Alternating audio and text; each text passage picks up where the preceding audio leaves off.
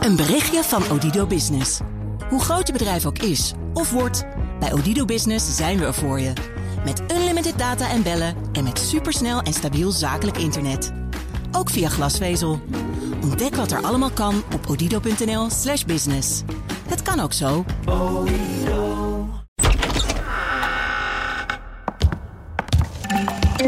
Ik hoor mijn, mijn, mijn oor doen. Oh, ja, Even je-. Ja. Koptelefoon. Sophie en ik hebben elkaar acht weken niet gezien. Jezus. Echt? Ja, want jij had de laatste week voor het reces corona. Oh ja. Toen heb ik vier weken vrij gehad.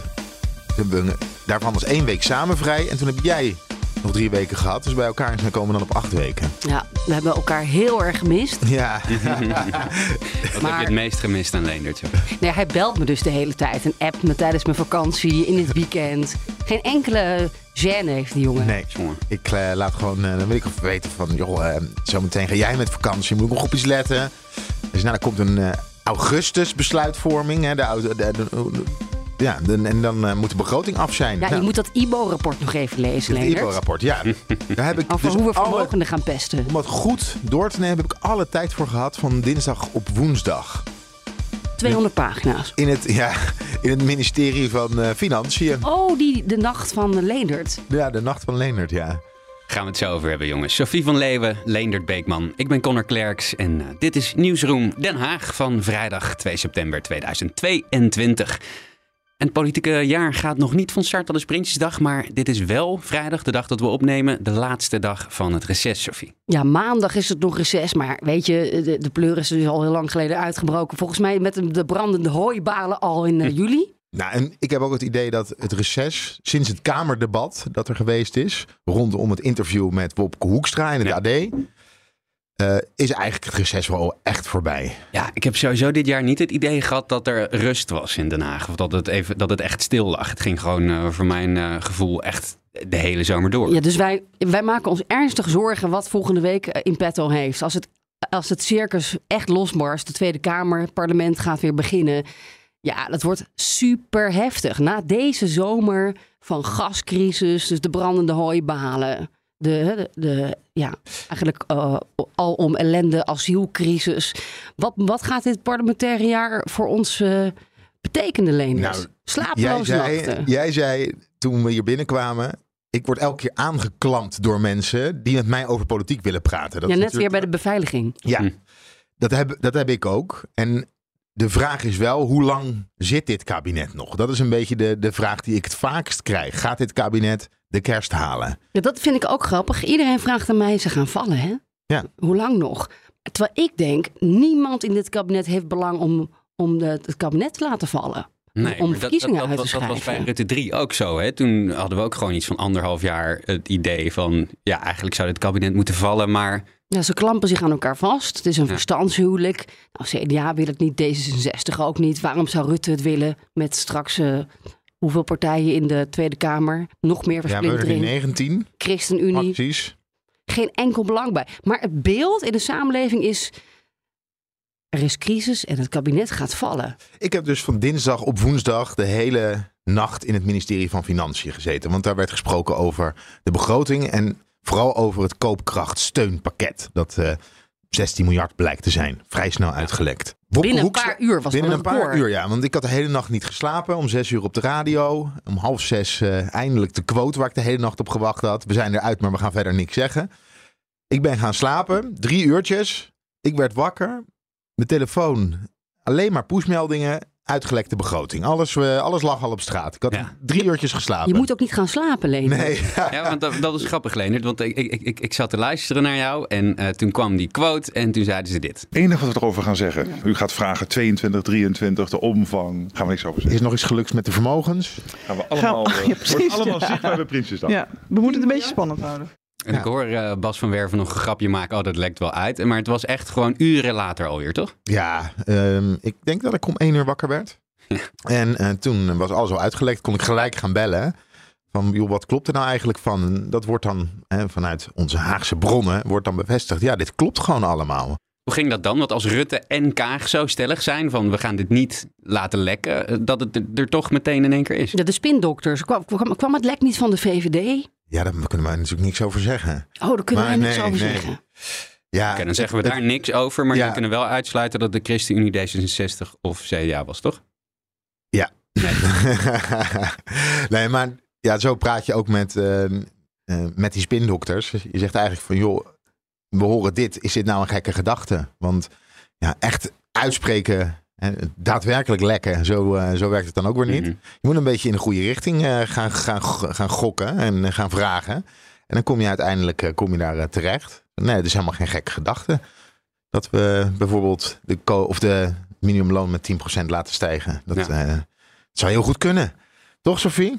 Nee, dat eh, kunnen we absoluut, eh, ja, n- nou, misschien wel bevestigen, maar nou, ik- dat hoor je wel op Prinsjesdag, toch? Ja, maar over de sfeer. Ik heb wel heel veel meegekregen. De, de over, het overleg begon om drie uur 's middags op het ministerie van Financiën. Eh, eerste coalitiepartijen met elkaar, hè, de fractievoorzitters. En later kwamen, kwamen daar de vicepremiers bij. Alleen Hoekstra was er niet. Die, die, die was niet in het land. Ja. Dat was om, zes uur. En daarna zit je dus de hele avond in het ministerie. En dan wordt het steeds rustiger en stiller. En dan kan je alles horen wat er op de gangen gebeurt. Het ministerie van Financiën heeft ook een soort open tuin in het midden. Het is een groot vierkant gebouw met een, eh, met een open tuin. Waar alle gangen eh, aan liggen. En het is best gehoorig. Het, het draagt echt. Ja. En dan hoorde je ook dat de stemming vrij goed was. Dat komt, er werd gelachen. Eh, af en toe gingen ze in focusgroepjes gingen ze zitten. Er waren ambtenaren bij. Eh, maar ze onderhandelden met elkaar op een kamer zonder de ambtenaren. De ambtenaren keken dan van nou, wat kan er wel, wat kan er niet van de plannen die jullie bedenken. Fractiesvoorzitters gingen af en toe even met elkaar een hokje in. Dat kon je dan weer vanaf buiten zien. Maar de sfeer was goed. Je hoorde ook op, als ze even op de gang waren dat er, er werd hard gepraat, er werd gelachen. Op een gegeven moment ging er een ambtenaar om half drie, meen ik, naar huis. Dat was voor ons het moment dat we echt dachten. Nu is het, nu, nu is het klaar. Om half drie, dan, dan, dan vind je het al dat het lang geduurd heeft. Hè? Eh, klappen. Een nog- echte staande ovatie was er. Ja. Dus wij dachten, nou, yes, ze zijn eruit. Eh, kwam de voorlichter van Financiën direct naar beneden gelopen. Nee, ik snap, ik snap dat jullie nu denken dat het klaar is. Is niet het geval. Er is een ambtenaar die echt naar huis moet. Die, die trekt het niet meer. En voor het harde werken, voor het bedankje was dit applaus. Dus ja, toen zaten we, zaten we daar weer nog, nog drie uur uiteindelijk te wachten. Maar het gaf wel aan hoe de sfeer was, zeg maar. Ja. hè? Kregen jullie nog warme chocomel? Want ik kreeg altijd, als je dan zo'n of zo'n pensioennacht of zo'n begrotingsnacht eh, als pers maar uren zit te wachten. Dan dan komen er vaak wat, wat eh, zo'n tafeltje met marsjes naar beneden. Nee, we hebben alleen vol te eh, houden. een, f- een frisje gekregen. Want je krijgt eigenlijk de afdankertjes van boven. Als er boven iets over is, dan wordt het naar beneden gebracht. En er waren nog wat, wat flesjes frisdrank waren er over. En die hebben wij gekregen. Maar er staat natuurlijk een koffiezetautomaat. Eh, maar op een gegeven moment had ik zo'n trek. Ik had, omdat, het, omdat ik om drie uur al op het ministerie moest zijn, had ik om voor drie had ik al wat gegeten. Ik dacht, nou, dan eet ik vanavond eet ik nog een appeltje. En, eh, maar het was veel te weinig om de hele nacht door te komen. Dus toen hadden er nog wel soepjes hadden ze daar staan. Aha. Van die kuppensoepjes. en dus Heb die jij heb er. 14 van- van opgedronken? Die heb ik daarvan gedronken, ja. Eh, maar je gaat ook een beetje met elkaar, want je bent met journalisten onder elkaar. Twee cameramannen, een fotograaf, die ging wel wat eerder weg. Die had op een gegeven moment, die had de volgende dag een opdracht, ik heb het al gezien. Telegraaf, NOS, RTL en wij dus, BNR. En dan ga je met elkaar ook eventjes bespreken van... Ik zat ondertussen dat rapport te lezen over hè, de vermogensongelijkheid in Nederland. Waar gaan ze het nou zoeken? En ik was toch wel verrast door een aantal beslissingen die genomen zijn. En vooral niet. Ik dacht namelijk, Sophie, dat de boor... Dat is heel veel besproken. Ook in dat, eh, in dat rapport wordt gezegd, kijk daarnaar. Dat is bedrijfsovernameregeling. Of de opvolgingsregeling. Opvolgingsregeling, ja.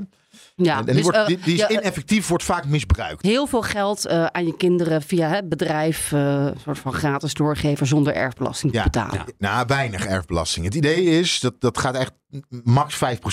Het idee is dat als je een schoenenwinkel hebt of een boerderij, dat zijn ook, en je wil dat in de familie houden, dat je dat, als dat te zwaar belast wordt, wordt het lastig voor de kinderen om dat over te nemen. Maar wat eh, mensen die de belasting willen ontwijken, de erfbelasting, die gaan gewoon een BV'tje beginnen ze in box 2. Ja.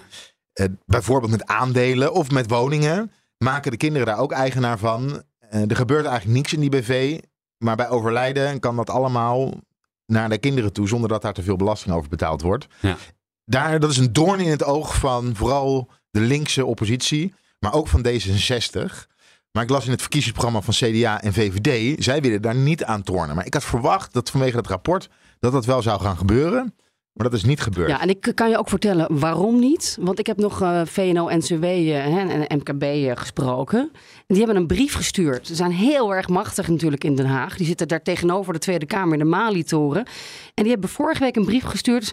ehm, eh, doe het niet met die boor. Want jullie gaan ervan uit dat onze ondernemers wel genoeg vet op de botten hebben... om dan eh, die erfbelasting eh, te betalen. Of een groter deel. Dat hebben ze niet. Dat, Maar dat geld hebben dat, ze niet. Dat is toch best wel een opmerkelijk statement als je zegt...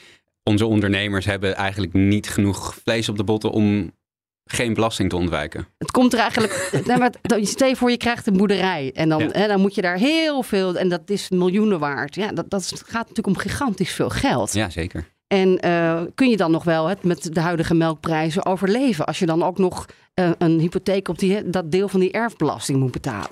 Goed, een hele lange brief. Maar eh, om even aan te geven. eh VNO en CW heeft zijn lobbywerk goed gedaan. Ja, en als je dat rapport leest, hè, dat rapport heet overigens licht uitspot aan de vermogensverdeling. Nou, het is heel duidelijk dat in Nederland de vermogens scheef verdeeld zijn, dat daar iets aan kan gebeuren, dat het ook kansenongelijkheid, eh, waar je wieg staat, is echt belangrijk in Nederland.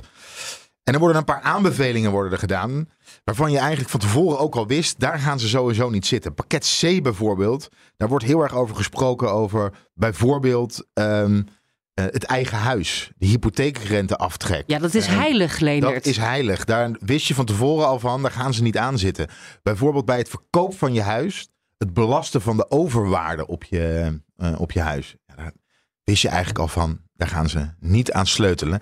En het spannendste, kijk dat de, de, eh, het minimumloon omhoog gegaan is.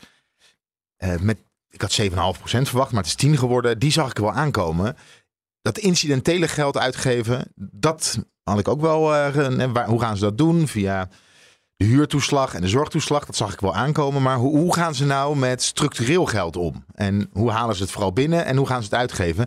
Daar was ik toch wel enigszins verrast over. Ik weet niet of jij dat ook had, Sophie. Over de hogere winstbelasting bedoel je? Over de hoge, bijvoorbeeld, maar ook dat we, hè, de, ehm, eh, dat, dat, dat we iets minder belasting gaan betalen. Want hoe hard gaan we dat nou voelen in onze portemonnee zometeen?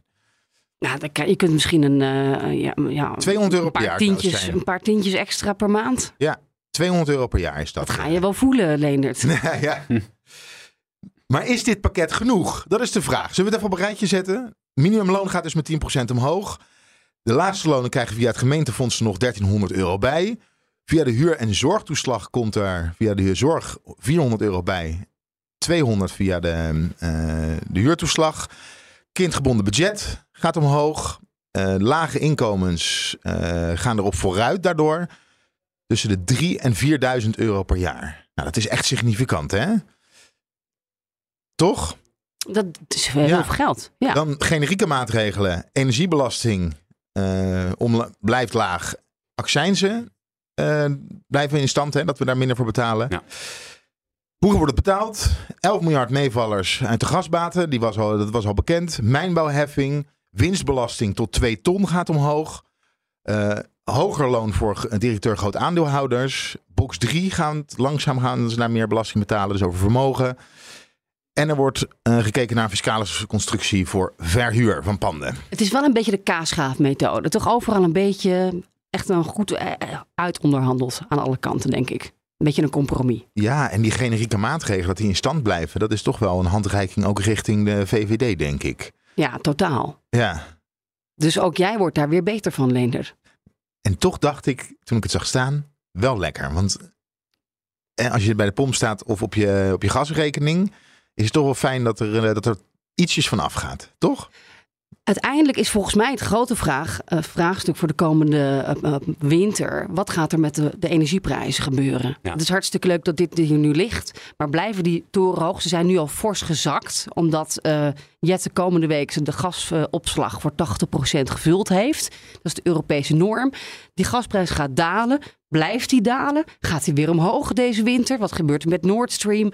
Dus je kunt, je kunt met geld smijten wat je wil in Den Haag. Maar het hangt toch vooral af van of wij niet eh, eh, aan de energie, hoe zeg je dat, uh, gallig hangen de komende en tijd. Het, het CPB heeft gerekend met energieprijzen voor dit jaar van 200 euro per megawattuur gas. Ehm, en dat was vorige week 300 plus. Op een gegeven moment was het 340 euro. En voor volgend jaar met, met, moet het gas 140 euro gaan kosten. En waarschijnlijk alle specialisten die ik in ieder geval bij ons op zender daarover gehoord heb, die hebben gezegd, ja, dat wordt echt, dat wordt echt veel hoger dan dat er nu, waar nu mee gerekend wordt. Ja, ze zijn in Brussel ook aan het sleutelen. Daar, daar, eh, daar gebeurt ook nu van alles. Ze zijn aan het kijken naar eh, eh, andere methoden om, volgens mij komt er een soort onderverdeling tussen hernieuwbare energie en fossiele energie. En wordt, de- komt er een price cap op die duurzame energie, waardoor daar de prijs zou moeten dalen. Maar dan gaat ook weer de vraag omhoog. Dus Ja, volgende week is daar een energieraad over. Daar moeten we eigenlijk naartoe. Of een, een collega naartoe sturen in Brussel vrijdag, denk ik. En Jette is erbij. En dan zou je dus goedkopere elektriciteit of gro- groene stroom krijgen. Ja. En los van de hoge gasprijzen. Dat is wat eh, ook de grote Europese lidstaten willen. Het gekke is dat ik in Den Haag heb rondgebeld. En eh, bij het ministerie eh, zien ze dat eigenlijk niet zo zitten, die Europese plannen. Zij vinden dat, eh, ja, dat, dat, dat de markt zou kunnen verstoren. Of ze, ja, Ja, ze het vinden gaat de markt verstoren. En, en- Ja, de markt, de markt is al verstoord, toch? Ja. Het gaat niet helemaal lekker Ja, ze- eh, de- qua sterker nog, marktwerking. Juist door die, door die gasvoorraden te vullen, is die, energie, is die gasprijs nu zo hoog. ja, ik, ik zou, kun je, misschien moet je gewoon maar stoppen met vullen. Want anders dan gaat die prijs zo, zo veel verder omhoog. Hoog, wat Nederland wil naar 90 procent. Wil boven de Europese norm gaan zitten. eh, om zelf veilig te zitten.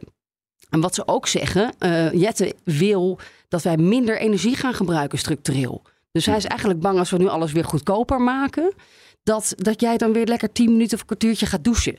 Om het even plat eh, te slaan. Ja, dat is wel een, een reëel risico. Hè? Dat zie je ook in andere Europese landen. Waar de, waar de prijs omlaag wordt gedrukt, gaan mensen dan denken... oh ja, dan kan ik eigenlijk al wel, wel weer betalen om eh, de airco of de verwarming aan te Ja, zetten. dus in Den Haag, althans op economische zaken en klimaat, denken ze: ga eerst minder consumeren, minder gebruiken. Bakkers, mijn eigen bakker heb ik ook gisteren even gesproken.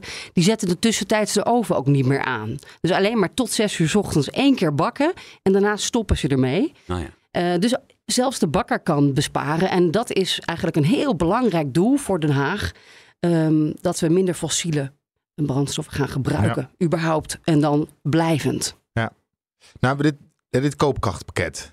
Eh, eerste vraag. Wie, welke partij heeft dit nou het meest naar zich toe getrokken? Voor wie is dit koopkrachtpakket echt een overwinning? Ik zeg het voor ChristenUnie en, C- en, en D66. Nou, niet voor de werkgevers, want Niet? die moeten fors meer gaan betalen. Ja. En trouwens, ja, uiteindelijk de, de uitkeringen en de AOW gaan ook omhoog. Dus we betalen er allemaal voor. Ja, dat is ook nog wel. Hè, eh, het feit dat je hm, het minimumloon verhoogt, daar zet je de werk. Want er is een oproep geweest vanuit het kabinet.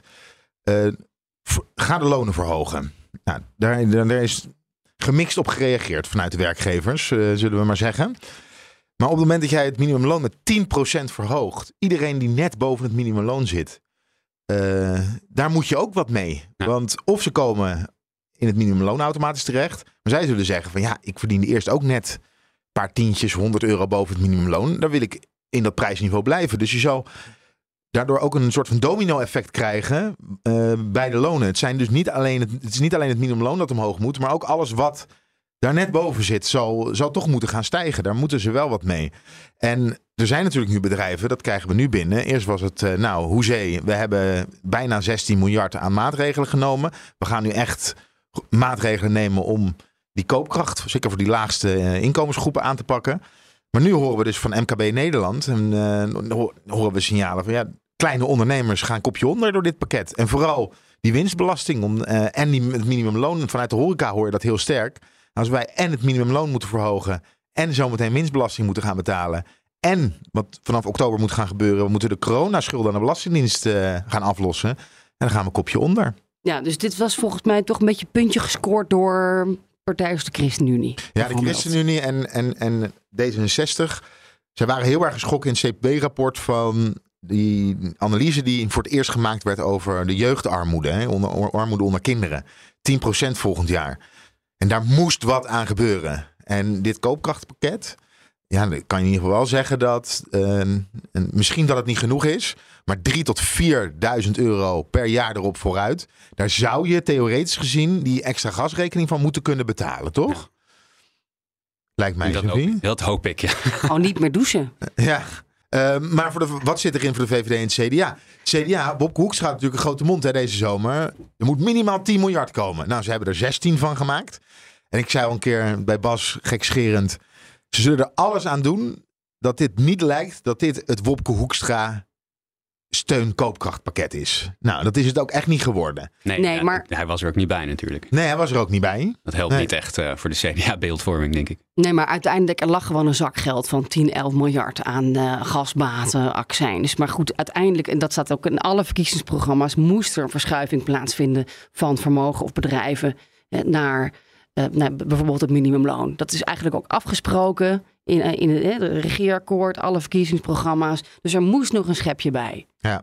Toch, als je dat rapport leest, dat IBO-rapport over de vermogen, het verdelen van vermogen, dan zijn er wel eh, een paar punten waar echt wat moet gaan gebeuren. Wat nog heilige huisjes in Nederland zijn. Dat is dat eigen huis, die eigen woning. Het verschil, en, en een heel groot gedeelte, eh, wel of geen woning, eigenaar zijn van een woning, is een van de belangrijkste punten waar je normaal gesproken vermogen op bij opbouwt. En de erfenis. Nou, dat zijn nou twee punten waar volgens mij niemand aan wil. Nee, dat is 7 miljard euro ongeveer per jaar. Dat gaat dus naar mensen die al een huis hebben. Mhm, Dat hebben het over die Dat wil het CDA niet. Ja, En dat wil de VVD eigenlijk ook niet. Nee, maar het eigen huis, eh, daar zie ik niet zo snel wat aan gebeuren, terwijl dat wel nodig is. Ook erf, het, het erven, erfbelasting verhogen, zie ik ook niet snel gebeuren. Er zit hier ook, ze hebben een eh, enquête gedaan. Dat is een, is een interessante eh, enquête. Daar vragen ze bijvoorbeeld. Vindt u het eigenlijk eerlijk? Hoe, hoe, hoe heeft iemand vermogen opgebouwd? Vindt u het eerlijk dat iemand door een erfenis heel veel vermogen heeft? En dan zegt 91%, daar ben ik het mee eens dat dat gebeurt, tot neutraal. En er is maar 9% dat zegt, ja, eigenlijk is dat niet eerlijk. Dat het op die manier opgebouwd wordt, je vermogen. Dat is wel opmerkelijk. Dat is opmerkelijk. heel veel. Want 10% krijgt een hele grote erfenis hooguit, toch? Of 1%, Ja. maar dat is een Zou hele dat, grote zou dat dat minderheid. American Dream effect zijn? Dat, eh, dat je in Amerika hebt dat eigenlijk niemand eh, voor hogere belasting is op de rijken, omdat ze hopen zelf ook. Ja, nou ja, het is nu wel, want misschien ligt er ooit voor mij nog iets in het verschiet. En hè, als we dan eh, eh, de erfenis van, van, van, van, van tante of oma of, of ouders, als we dat moeten gaan inleveren, ja, dat is niet eerlijk. Zij hebben er al voor weggewerkt en belasting over betaald. Maar het interessante is, ze hebben nog een klein statistiekje gedaan. En daarin vragen ze: Vindt u het eerlijk dat iemand met vermogen betere toegang heeft tot onderwijs, zorg, nou, noem het maar op? En dat vinden mensen dus heel erg oneerlijk. Hmm. En eh, ja, dat is natuurlijk best wel. Ik vind dat het een beetje tegen. Dat is tegenstrijdig. Ja, een Want beetje, een want beetje het is namelijk-. Het is een gevolg van, van het vermogen. En er wordt natuurlijk ook gevraagd: vindt u dat een voetballer heel veel verdient? Zijn de meeste mensen het ook gewoon mee eens? Eh, maar dat vond ik, vond ik heel interessant. En wat ook interessant is uit het IBO-rapport. En in, in, eh, een groot deel van ons vermogen zit in pensioenen. En aan de ene kant willen wij geen belasting betalen over vermogen. Hè, dat het opgebouwd is in het leven. Maar dit is ook vermogen dat opgebouwd is. Maar het gekke aan die pensioenregelingen is... als je doodgaat, of je nou vroeg doodgaat of heel laat... alles wat je opgebouwd hebt, komt ten goede van het collectief. Dat wordt niet aan je kinderen uitgekeerd. Dat vinden we wel heel normaal. Het wordt nooit ter discussie gesteld. Terwijl het een soort van... eh, het is nog een soort van gelijk als met vermogen. Vermogen kan je ook opeten als je met pensioen bent gegaan. Eh, dat doe je met je pensioen letterlijk ook. Ehm, maar dat gaat niet naar je kinderen toe. Eigenlijk kunnen we concluderen dat vermogende mensen wederom rustig kunnen gaan slapen in Nederland. Nou, na, met na Prinsjesdag. Met dit pakket wel. Het zijn echt, er, er wordt wat gedaan aan vermogensverdeling. Maar ik ben niet onder de indruk. Sophie, jij wel? Nee, ik ben ook niet onder de indruk. En eh, het gaat wel van in box 3 van 31 stapsgewijs naar 34 procent. ja, ja. Over, dat is de winst over vermogen, denk ik. Ja, dat is nog steeds. Ja. Ja. dat is niet je. Als zou het over het hele vermogen zijn, dan zou het heel snel op zijn. Nee, dat gaat over de. En, volgens, en voorlopig is box 3 toch nog steeds kapot. Dus eh, er gebeurt helemaal niks. Hebben nou eh, de belasting op arbeid overgeslagen? Zo niet, dan knip ik dit er gewoon uit. Belasting op arbeid. Ja, nee, dus er gaat wel. Het eh, wordt eh, minder, hè? Belasting op arbeid. Ja. je krijgt Ja. meer korting, arbeidskorting, die wordt- gaat Ja. omhoog. Dus jij gaat ook een beetje meer verdienen, Connor. En je inkomstenbelasting Ja, in, zit in nu. principe iedereen, toch? La, ja, het lage schijf 37, dat Ja. zal dan naar 36 punten. Nou, geen idee, 8. Ik weet niet hoeveel het wordt, maar het gaat een beetje naar beneden. Weet je wel hoeveel? Nee, dat weet ik nog niet. En dat was ook bij, bij- met het rondbellen bij de oppositie. Wat, wat vinden jullie hier nou van? We hebben natuurlijk veel tweets gezien. Bij de SP vonden ze eigenlijk dat überhaupt gewoon dit kabinet moet opstappen. Kritiekpunt is er, dit jaar gebeurt er nog steeds niks. En mensen zitten nu nog steeds in, eh, in de problemen. Ja. Maar je hoort ook wel achter de schermen, we moeten ook nog even alles tot achter de komma zien voordat we echt gaan reageren. Want Eh, studenten bijvoorbeeld, ben ik ook benieuwd naar. Hoeveel krijgen studenten? We weten dat ze een klein beetje de uitwonende studenten erbij krijgen in een beurs. Maar hoeveel is dat? Gemeenten worstelen daarmee. Want ik heb nog even uh, richting een bepaalde gemeente in Zuid-Holland gebeld. In de buurt van Den Haag. Armoede onder studenten? Ja, ah, joh, nee, ik had als student niet eens te eten. Ik had pinda's als avondeten. Ja, ja. jij hebt ook vier masters ook een gedaan. Bij. Ja, dat... ja, daar kun je extra lang van studeren. Ja. Ja, dat heb ik ook gedaan. Maar als je energierekening in één keer 400 euro is, dan, eh, dan hebben we het niet meer over kun je eten of niet. Dan ga je gewoon failliet. dan Nee, maar- gewoon op. Gemeenten maken zich wel ernstige zorgen over, eh, de, over studenten. Ja, Want- niet onterecht, denk ik. Nee. Nee, ja, kunnen zij nog rondkomen? Het gaat niet alleen over de energierekening. Veel studenten betalen gewoon zelf, studentenhuizen zelf een energierekening. Dat is tegenwoordig helemaal niet meer normaal dat het inclusief is. Mhm. En alles wordt duurder, ook de boodschappen. Ja, de huurprijzen. Als je al een kamer kan vinden in de grote steden, dan eh, is het Voor echt 600, 700 waanzinnig euro duur. per Ja. maand, Ja, denk ik. ja, ja, minimaal volgens mij. Terwijl, eh, ja, ik weet niet hoe het was toen jij begon met studeren, eh, maar... 400 euro, geloof ik. Ja, dat, dat, dat Gulden, in, Sophie. in Amsterdam. Gulden, gulden tijd. Was het in Amsterdam? 530 Ja. gulden voor mijn... Ja, ik heb in Tilburg, volgens mij, in mijn eerste kamer heb ik 250 euro eh, betaald. Ja, ik zit nu te denken of het inderdaad gulden tijdperk ja, ik denk dat zeker. dat gulden ja, ja, ja, ja, ja, ja. Zo oud ben ik nog niet. 530 gulden betaalde ik voor mijn, eh, voor mijn eerste studentenkamer. In Leiden. Ja. Ja, dus die armoede. Ik denk dat we dus dit, eh, om het even weer eh, samen te vatten, van dit komende politieke jaar. Ja, dat gaat alleen maar, eh, alleen maar schreeuwen worden in de Tweede Kamer. Ook aanstaande dinsdag weer, hè, vragenuur, opening van, van het seizoen. Hele boze oppositie, Wilders aftreden, Marijnissen aftreden. Daarom denkt heel Nederland ook dat het kabinet gaat aftreden. Maar je moet ook eh, bij de vraaguur moet je een eh, bepaalde actualiteit pakken waarop je dan vragen gaat stellen. Nou, kiest u maar. Stikstof? Nou, inflatie kan natuurlijk. Hè? Dat, eh, het nieuws over dat het eh, 13,6% is. Gaat u nou, gaan, gaan jullie de berekeningen aanpassen? Want nu ligt er een koopkrachtpakket met nu al oude cijfers. Dat zou het kunnen zijn. Stikstof komt natuurlijk ter sprake. Zullen we over stikstof hebben? Stikstof. Hooivorken. Hooivorken, Johan Remkes. Een wespennest hoorde ik hem. eh, of heb ik helaas niet gehoord. Ik heb de hele week gezocht. Stond er niemand met een microfoon daarbij. En dan stond hij te roken, toch? Ja, Hij kwam even. Hij roken stond- en hij zei: eh, Ik ben in een wespennest beland. Hij kwam de hele tijd naar binnen en naar buiten. En dan stond hij te roken. En dan wilden we foto's maken. Dan ging die woordvoerder er staan, ervoor staan. Nee, nu even geen foto's. Hij, hij wil even roken. Straks komt er een persmoment. We hebben daar uren staan wachten. Waardoor ook de lunch werd overgeslagen. kwam volgens, volgens de hele kantine personeel met broodjes en koffie en soep kwamen ze naar buiten van het provinciehuis in Zuid-Holland. Om de hongerige pers eh, nou ja, een beetje stil te houden. En, eh, en te vriend te houden misschien. Vervolgens dus Remkes erin, eruit. En dan toch wat smoezen over, eh, ja, over het circus waar hij nu weer in beland was, die arme man. Ehm, en wat de problemen die hij nu weer moest oplossen. Ehm, de, ja, na afloop kwamen ze naar buiten. Remkes en Rutte was er ook bij. Niet geslapen, hè. Rutte, die nacht. Ja, ik weet nu ook hoe, dat, hoe hij dat doet. Op, op dekstro, toch? Twee dekstrootjes had Ja. hij geslikt. Ja. Eh, maar goed, na dat hele circus eh, met die boeren, eh, een soort van ja, halve toezegging over eh, de KDW. Dat we daar nog eens eventjes goed naar gaan kijken hoe we die eigenlijk gaan meten. Een gesprek wat bij tijd en wijle pittig was, niet makkelijk, maar wel ook een gesprek waarin op een hele open manier de zaken besproken zijn. Waarin we ook gezamenlijk hebben gezegd, we gaan met elkaar verder, eh, dingen uitwerken, over dingen praten. Eh, dat is ook echt door iedereen gedeeld en dat vond ik heel positief, maar echt ook wel met een zeer open en reële blik eh, voor waar de boeren voor staan in Nederland. Kijken naar een vervangend systeem eh, voor KDW, kritische depositiewaarde. Is het kabinet dan door de knieën gegaan? Nee, nee. Kijk, wat je hebt. eh, het probleem is, je moet een systeem hebben wat robuust is voor de eh, vergunningverlening. En wat ook een sturing geeft op wat moet je nou bereiken om de instandhouding van de natuur in Nederland goed te houden. Ehm, wat we tegen elkaar gezegd hebben is, niemand is getrouwd met een afkorting. Eh, maar als je naar alternatieven zoekt, dan moeten die juridisch houdbaar zijn. Eh, dan moeten die ook eh, bestuurlijk eh, gebruikt kunnen worden als sturingsinstrument. Maar wat de boeren belangrijk vinden, is dat zij zeggen: we willen meer sturen op emissies en niet op depositie. Depositie is uiteindelijk wel bepaald of vergunningen worden verleend. Maar de boeren kunnen niet op deposities sturen. Die sturen natuurlijk op emissies, want daar gaan zij over. Nou, dat soort vraagstukken hebben we gezegd. Ook omdat we moeten praten over water, over de klimaatdoelen. Dat komt allemaal bij elkaar. Ook in die ecologische autoriteit hebben we gezegd, laten we nou kijken de komende tijd of het mogelijk is, juridisch bindend, dat het stand houdt, dat de vergunningverlening stand houdt. En zolang dat er nog niet is, hebben we natuurlijk eh, de bestaande systematiek. Ja, dit is echt.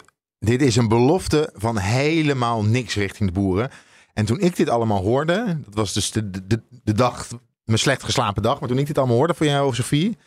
En ook hoorde wat er beloofd was aan de boeren. We gaan niet aan. Het jaartal gaan we, de- daar willen we niet aan Nee, beginnen. 2030 staat, Staat. En we gaan nog wel even kijken. Een prioriteit voor de, voor de pas. Hè, gevallen van Mhm. de boeren die extra zielig zijn, krijgen, krijgen natuurlijk de prioriteit.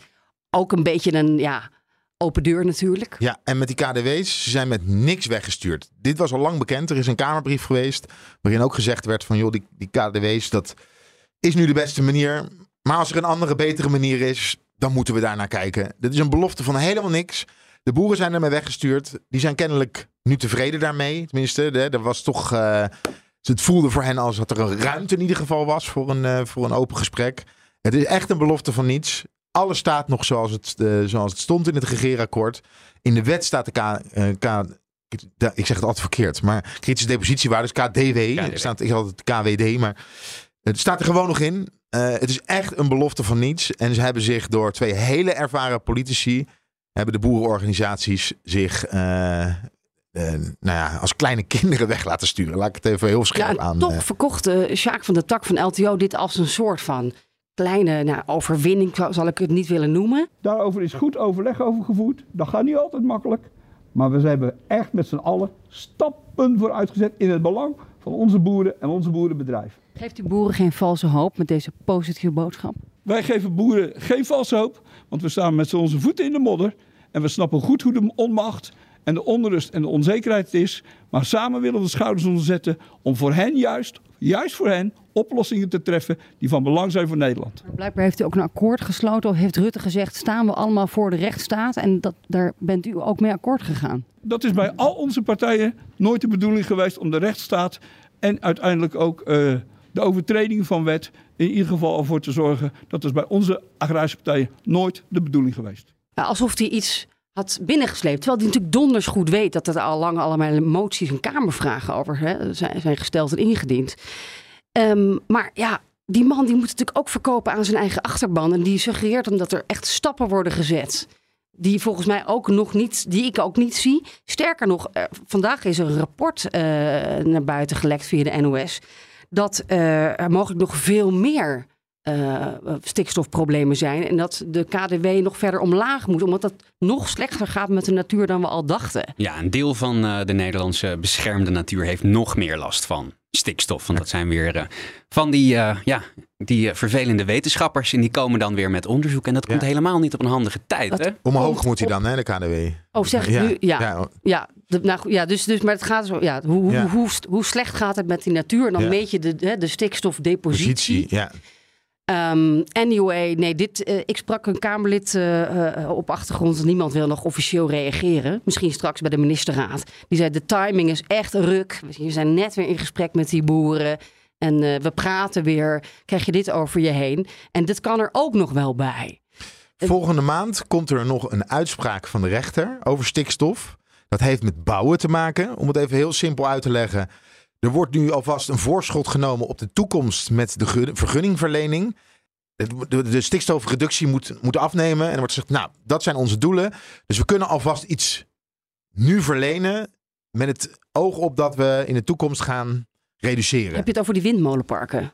Alles waar je mee wil gaan bouwen. Ja. Eh, en de vraag is, kan dit eigenlijk wel? Moet het niet eerst gereduceerd zijn voordat je eh, doorgaat met het Hmm. verlengen van... eh, als die uitspraak, wat ik verwacht, als de rechter zegt dit kan eigenlijk niet... dan zitten we per direct, staat het land nog verder op slot. En jij verwacht nog- dat? Ja, ik verwacht dat, ja. Ik Leonard verwacht- is, weet veel van stikstof, dus ik... eh, ja, iedereen maakt september- zich daar ook binnen bij, bij eh, het ministerie maken begin oktober. begin oktober. Ja, in het, en binnen het ministerie maken mensen zich ook ernstige zorgen erover. Eh, dit is echt waar iedereen naar uitkijkt. Wat gaat, wat gaat er gezegd worden? Houdt dit stand? Zo niet, ja, dan zal zeker zo'n jaartal.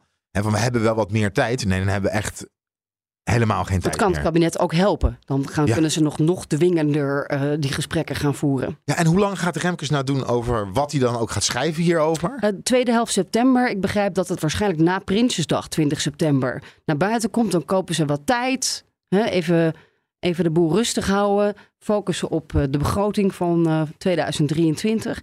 En dan eind of tweede helft september komt Remkes met, met zijn bevindingen. Ja, en dan zit je na te denken van met welke bevindingen gaat hij nou komen? Zijn opdracht was eigenlijk om het gesprek weer op gang te brengen tussen de overheid en de boeren. Hè, dat, dat, was, dat was verslechterd. Zij moeten. eh, het is de provincie die als eerste aan de slag moet gaan met boeren om te kijken waar gaan we nou stikstof reduceren. Ja. Wat, waar, waar kan je dat nou het meest efficiënt doen?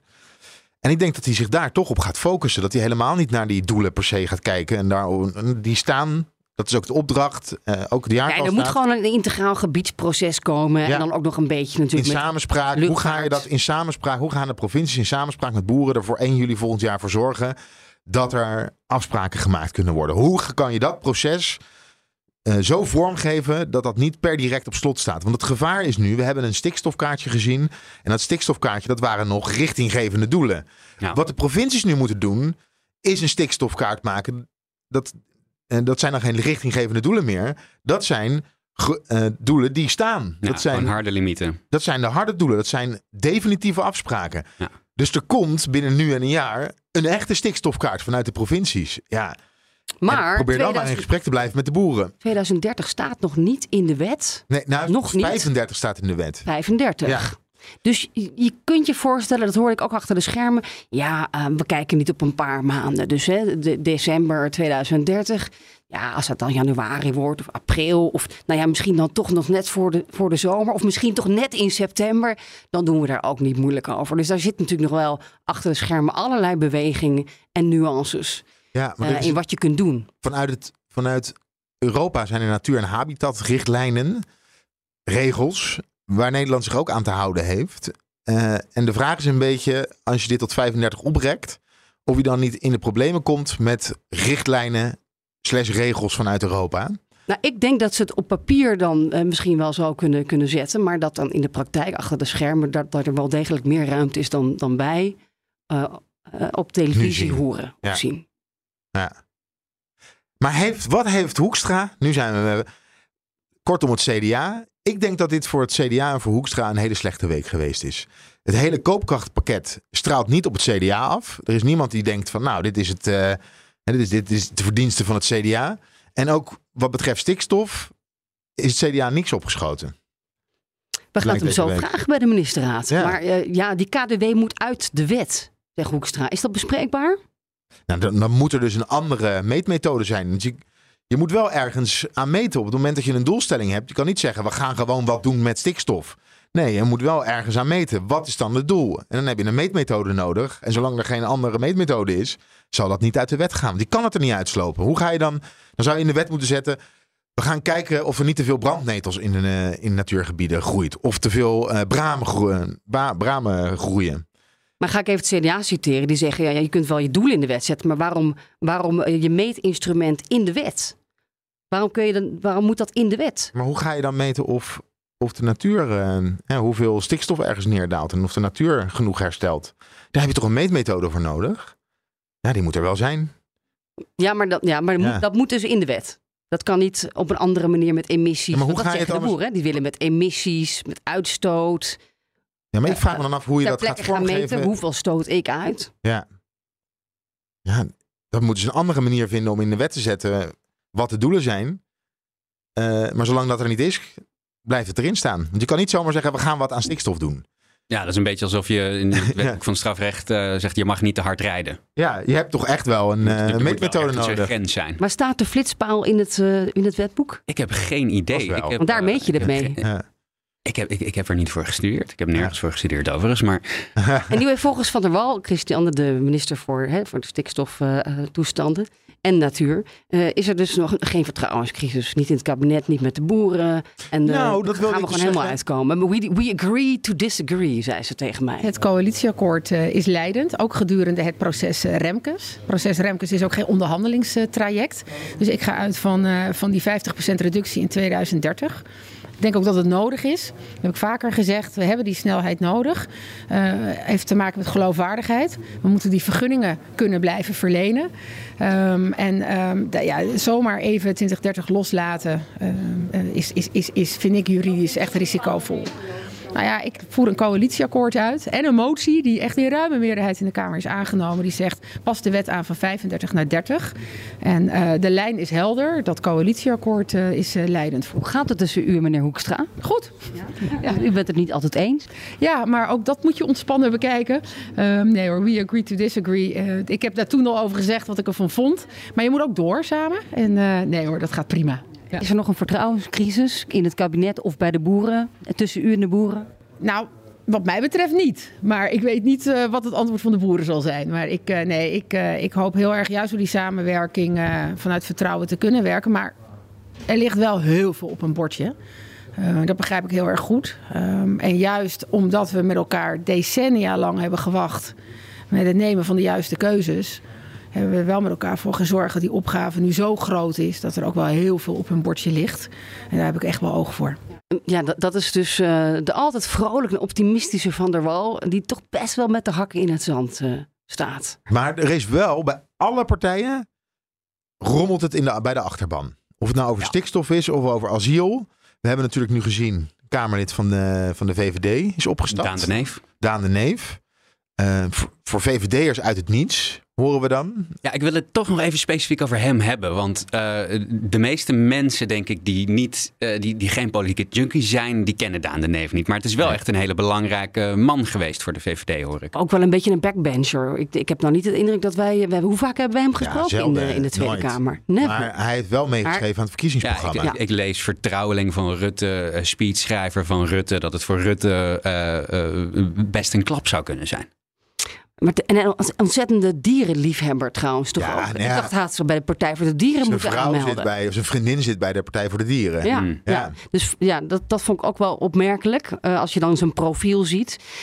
Ja, een klap voor Rutte. Het is de zoveelste VVD'er die, eh, die eh, hem gedag eh, zegt en uitzwaait. Maar hij heeft het ook in die zin moeilijk. Dat aan de ene kant heb je de klassieke VVD'er die boos is op de asielzoekers. En gooi de grenzen dicht. En hijgt ja 21 in je nek. Aan de andere kant heb je de, de vriendelijke VVD'ers die vinden dat je het allemaal... hè, wat rustiger aan en de- en respecteer de rechtsstaat. En dat kan toch ook niet zo, meneer Rutte? Ja, die man die, zit in een, die wordt gesandwiched eigenlijk hè, tussen de, de flanken van zijn partij. Wat, wat ook bij, de, C- bij het CDA eh, een groot probleem is natuurlijk. Ruben Brekelmans van de VVD is verantwoordelijk voor, eh, voor dit dossier. En dinsdag, toen er onderhandeld werd over de koopkracht, over het koopkrachtpakket, eh, was hij het die de boze achterban te woord kon gaan staan. Ja, samen met de staatssecretaris. ja, dat vond ik best wel gek. Eh, dat je, het prima dat je zeg maar als, als, als Kamerlid eh, eh, met, je, met je eigen achterban gaat praten. Maar is het dan niet een beetje vreemd dat je eh, gewoon een bewindspersoon ook meeneemt om Nou, even het beleid uit te leggen? Of zie ik dat nee, verkeerd? Nee, dat, vind jij dat gek, Sophie? Nou, ik moet wel zeggen dat Erik van den Burg, die, eh, die, die, ja, die wist natuurlijk ontzettend eh, zichtbaar en knijterhard aan het werken eh, op het asieldossier. Eh, dat is wel het gezicht van de asielcrisis. Eh, ik denk wel terecht dat die man daar staat en, eh, en tekst en uitleg geeft. En ook, ook best wel een genuanceerd verhaal heeft, vind ik, eh, van de Burg. Ehm, ja, ook, ook over, wat er de afgelopen jaren is gebeurd. En hoe de, hoe de zaak is uitgekleed, hè? Het, het hele asielzoekersysteem. Waardoor je nu ook extra eh, diep in de problemen zit. En dat is natuurlijk niet het frame wat, wat, vaak, wat je vaak hoort eh, in, in het land. Dit vond ik ook wel gek aan het opstappen van, eh, van Daan de Neef. Het is volgens mij niet zo. Ik bedoel, de afgelopen, wat is het, tien en een half jaar hebben we VVD-bewindspersonen op asiel zitten. Volgens mij is de, de, de lijn van de VVD helemaal niet veranderd. Hij is niet harder geworden. Die, die is eigenlijk altijd, in elk geval op papier, is de VVD-lijn heel kil geweest. Dan, dan, dan loopt zo'n bewindspersoon aan tegen wat dingen zoals de rechtsstaat, waardoor ze dat dan weer niet uit kunnen voeren. Maar het is niet zo alsof de VVD nu, nu, radicaal van koers verandert. Nou ja, toch? er is een kind overleden in, eh, in Ter Apel. Ja. En dat benoemt hij ook expliciet. Hij- de situatie in Ter Apel, zo met mensen omgaan, die mensen die buiten in de kou liggen. Ja, dat, en dit is letterlijk, het is een beetje Schiphol. Het beleid, hè, bij Schiphol was ook gewoon bekend wat er achter de schermen gebeurt. De, het gevolg daarvan was de lange rijen. eh, en da- daar ging dan ook een VVD'er. Meneer Koerhuis. Ja, meneer Koerhuis heel veel. eh, maar dat is hier eigenlijk ook zo. Ja. Achter de schermen, achter, die, achter de hekken van uh, bij Ter Apel. Die hele asielketen. Weten we al heel lang weten we dat dat niet goed gaat. Maar nu liggen de mensen buiten. Nu zijn de rijen buiten. En is er een kind overleden. En nu zien we dus de uitwassen van eh, het beleid. En daar, ja, daar, of dus daar reageren mensen nu op. En hij kennelijk ook. En de VVD schuurt natuurlijk een beetje tegen die randjes van de rechtsstaat aan. Dat was ook al eerder in het hè, verkiezingsprogramma zo. Van moeten we nou hè, dat Europese Hof en eh, is dat nou eigenlijk allemaal wel nodig? Dat, dat, dat is zo, zo kennen we de VVD. Maar als je in het kabinet zit, dan kom je daar natuurlijk niet mee weg. Maar aan de ene Dan kant zegt Van den. Burg, we kunnen geen asielstop. Kunnen we, dat, kunnen, dat kan, kan gewoon niet. Want we hebben ons aan Europese regelgeving te houden. Maar gezinshereniging eh, staat ook verankerd in, eh, eh, in de wet. Volgens mij, ja, dat weet ik trouwens zeker. Eh, daar kan je niet zomaar van afzien. Je kan niet zeggen van we, kunnen, we brengen de gezinnen niet meer bij elkaar. Nee, dat zijn, dat zijn eh, grondrechten die, eh, die daarin verankerd eh, staan. Daar is de kinderombudsman ook eh, Ja. verbolgen over, eh, geloof ik. Ja, dus aan de ene kant zegt de VVD, de staatssecretaris van de VVD, ik heb me aan de wet te houden. En aan de andere kant houdt hij zich niet aan de wet. En bij ChristenUnie ook rommelt het vanwege het asielbeleid. Ja, die hebben een bijeenkomst in oktober, geloof ik, hè, Ja. hierover met de leden. Dat is Ja. wel laat eigenlijk. Hè? Dat willen we nu al wel een beetje horen, hoe dat gaat. Ja, ChristenUnie. kennelijk hopen ze dat het tegen die tijd allemaal wat rustiger is. Stappen we, blijven we erin of stappen we En ze zijn nog met de zomertour bezig bij, eh, bij de ChristenUnie. Eh. Eh, dan heeft D66 oproep om eh, wat betreft stikstof voet bij stuk te houden, beste mevrouw Kaag. Ja. Eh, en bij het CDA weten we gewoon dat het eh, echt, ook als je naar de peilingen kijkt, eh, dat het gewoon hommeles is binnen de partij. Dus ja, buiten de, de verhoudingen met elkaar hebben ze ook nog rekening te houden met de onrust bij de achterban. Eigenlijk is de verkiezingscampagne voor volgend Oh, jaar ja, al begonnen. Ja, natuurlijk. En dit, Provinciale staten. dat heb ik vorige week ook gezegd. Dit worden de meest bijzondere provinciale statenverkiezingen ooit. Want provinciale statenverkiezingen, ik weet of, jullie- niet of jullie één onderwerp kunnen bedenken wat een verkiezingsonderwerp ooit geweest is bij provinciale statenverkiezingen. Maar dit worden de eerste Oeh, provinciale statenverkiezingen nee. die echt ergens over gaan. En provinciale statenverkiezingen die grote invloed gaan hebben op politiek Den Haag vanwege de Eerste Kamer. Het, is, het wordt uniek. Echt uniek. Ik moet mezelf even verbeteren. De ChristenUnie organiseert in september, Oh, september. een eh, ledenbijeenkomst. Ah, het is al Ik dacht september. ook dat, ik dacht ook Ja. dat het oktober was. Dus wat dat betreft. Ja. Hey, straks eh, ministerraad. Gaan jullie ze weer een beetje plagen? Sophie, wat, ga jij daar naartoe? Ja, ik, eh, jij gaat dus toch naar de Friday Move? Ja. Ja, oké. dan ga ik naar de ministerraad. We moeten het sowieso hebben natuurlijk over dat nieuwe stikstofrapport. Maar ja, vraag me af eh, of ze daar eh, iets over eh, Ze heeft vast nog niet gelezen. willen zeggen. Ik heb het nog niet gelezen. Ehm, Nou, wat ze daarover gaan zeggen. De doelen zijn al ruim genomen. ja, ja, ja. Dus Ja. hè, er is Er is een marge er is een marge ingebouwd. Ook voor dit soort eh, eh, tegenvallers. Dus we hopen dat het met de marge, dat ga je horen denk ik. We hopen dat het met de ingebouwde marge dat het genoeg zou zijn. Verder gaan we het grondig bestuderen. Ja, ja, En dan komen we daar nou, binnen, binnen een paar maanden wel weer op terug. Mevrouw, ik heb het rapport nog niet gezien. Ik heb het gelezen bij de NOS, maar ik moet eerst het rapport zien. Dit is een, dit is een rapport onder embargo, maar hij schijnt al, hij schijnt al te circuleren eh, binnen het ministerie van LNV. Wel een beetje vreemd dat het niet al lang circuleerde binnen LNV. Dat, dat- die vraag Sinds moeten we ook april, even stellen. als ik eh, de NOS mag geloven. Hoe kan het dat zij het rapport niet kent? Ja. Kun je het er niet over vallen worden? En de hele tijd heel verontwaardigd doen. Sophie, dat is nu ongeveer eh, de, de, de manier waarop de journalistiek aan het touwtje vragen stelt. Ze heet het, waarom niet? Waarom niet? Hoe kan dat? Waarom niet? Dat is een beetje hoe je het moet aanpakken. Oké, dankjewel voor de tip. Ik ben weer terug van, van vakantie en eh, ik ga En een ervoor. persconferentie met Mark Rutte krijg je zo meteen nog. Ja, ik heb hem van de week al gesproken, maar eh, oké, dan moet ik even nadenken wat, eh, waar we het over gaan hebben. Ik vergeet de parlementaire enquête helemaal. Nou, Hebben we daar dat, nog tijd dat je voor, jongens? rond de parlementaire enquête iets vergeet. Sophie. Wordt een beetje... een beetje- eigenlijk Het niet. is een beetje flauwe grap, maar dat je rond Gas Groningen en de parlementaire enquête iets vergeet, is niet gek. Want de voormalige bewindslieden die daar komen te zitten, die vergeten allemaal. eh, Die zijn allemaal details vergeten. Ja, dat is, eh, zo gaat dat. Ja. Volgende Maar week Henk die, eh, Kamp. die par- parlementaire enquête die loopt nog een weekje. hè? Dus dat zouden we volgende week zouden Die loopt nog eh, weken. Zouden we Ja. nog wel uitgebreid kunnen bespreken. Ja, eh, we hadden alleen Maxime Verhagen als hoogtepunt deze week. Die zei, eh, ik, ja, ik, wat stom, wat slecht dat ik nooit naar Groningen ben geweest vanwege die aardbeving. Ja, dat vind ik eh, onbegrijpelijk. Eh, met, met, met, eh, zeker met de kennis van nu, eh, dat ik daar niet geweest ben. Ik vind het echt onbegrijpelijk. Ik denk dat dat, dat eh, besef eh, w- van de impact was op dat moment niet aanwezig. Zei de voormalig minister van Economische Zaken, wil ik nog even aan toevoegen, eh, dat uit, uit- het duidelijk werd, logisch ook, dat geld natuurlijk een heel belangrijke rol speelde in het eh, eh, hè, doorgaan met gas winnen in Groningen. Ja. Dat was crisistijd, weet je nog? 2010, 11, 12. Heel veel geld nodig. Ja, Ja, wel dat weer, heeft- weer, weer schokkend hoe die Groningers gepiepeld worden. Hè? Ook die, die burgemeester die dan Verhagen niet aan de lijn kreeg. eh, eh, van Loppersum. Van ja. Loppersum inderdaad. Eh, een andere burgemeester die niet eens op de hoogte was van het feit dat volgens mij 2012, 2013 na die grote aardbeving, dat ze toen de gaswinning opgekrikt hebben in plaats van naar beneden Ja, gaan. het geeft heel duidelijk aan wat, waar de prioriteiten toch hebben gelegen. Maar er is ook ja, een weerwar van eh, eh, instituten, KNMI, TNO, staatstoezicht op termijnen, die het ook niet eens worden over de risico's. Want het leek allemaal onder controle en het viel allemaal wel mee. En Ja. dat hebben heel veel mensen verkeerd ingeschat. Misschien ook oprecht. Kamp volgende week ook minister navragen. Ja, en hij, Zal daar heel erg indringend over worden bevra- bevraagd. ja, en onder, onder zijn leiding is de gaskraan echt opengedraaid. Ja. Hè?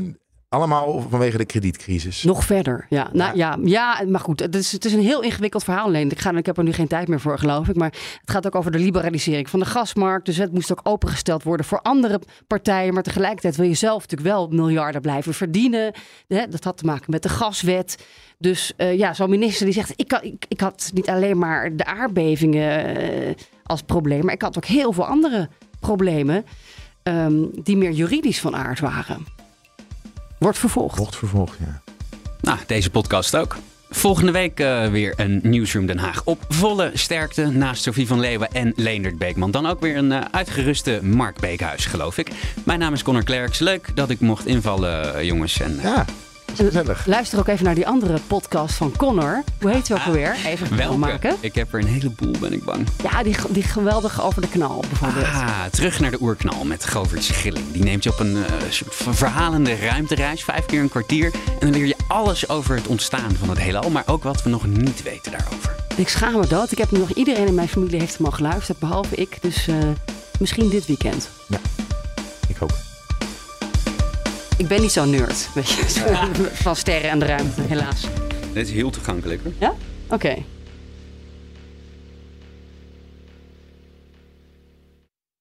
Een berichtje van Odido Business. Hoe groot je bedrijf ook is of wordt, bij Odido Business zijn we er voor je. Met unlimited data en bellen en met supersnel en stabiel zakelijk internet. Ook via glasvezel. Ontdek wat er allemaal kan op odido.nl/slash business. Het kan ook zo.